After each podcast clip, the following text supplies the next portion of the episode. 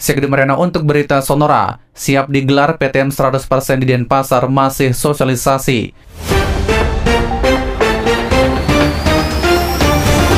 Berita Sonora Bali.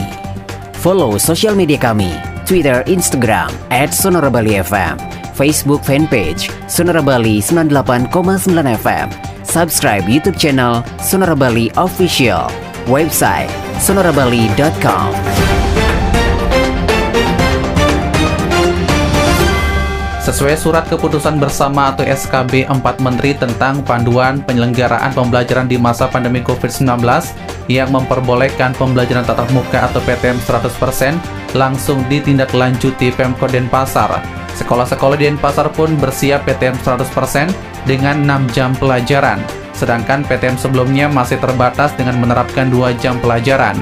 Kabit Pendidikan SMP Distrik Pora Kota Denpasar, Anak Agung Gede Wiratama mengungkapkan bahwa PTM sementara masih menggunakan dua jam pelajaran, kendati SKB 4 Menteri sudah diturunkan Desember 2021 lalu. Akan tetapi, surat baru diterima Distrik Pora Kota Denpasar pada hari Minggu kemarin melalui email. Dengan diterimanya surat tersebut, Distrik Pora Kota Denpasar langsung menggelar seminar secara virtual bersama kepala sekolah dan juga para guru. Seminar itu digelar untuk menyampaikan kepada para guru agar sebelum menerapkan PTM 100%, mereka wajib sosialisasi terlebih dahulu.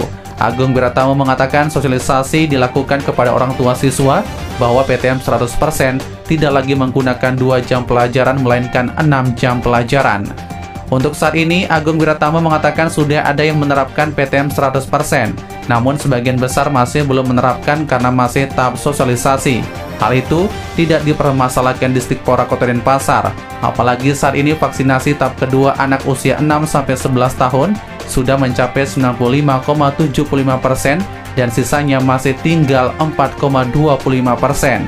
Sisanya karena beberapa siswa terkendala kondisi dan juga ada komorbid khusus SMP yang saat ini akan melaksanakan PTM 100% sebanyak 76 sekolah dengan total 35.892 siswa, sebanyak 14 SMP negeri dengan siswa sebanyak 14.980 siswa, sedangkan SMP swasta sebanyak 62 sekolah dengan 20.912 siswa. Sementara SKB 4 Menteri tentang PTM ini ditandatangani Menteri Kesehatan Budi Gunadi Sadikin, Menteri Dalam Negeri Muhammad Tito Karnavian, Menteri Pendidikan Kebudayaan Riset dan Teknologi Nadim Anwar Makarim, dan Menteri Agama Yakut Kolil Kumas.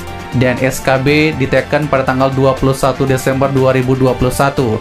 Dalam surat itu, pemerintah mewajibkan semua satuan pendidikan melaksanakan PTM terbatas mulai semester genap tahun ajaran dan tahun akademi 2021-2022. Demikian berita Sonora Bali.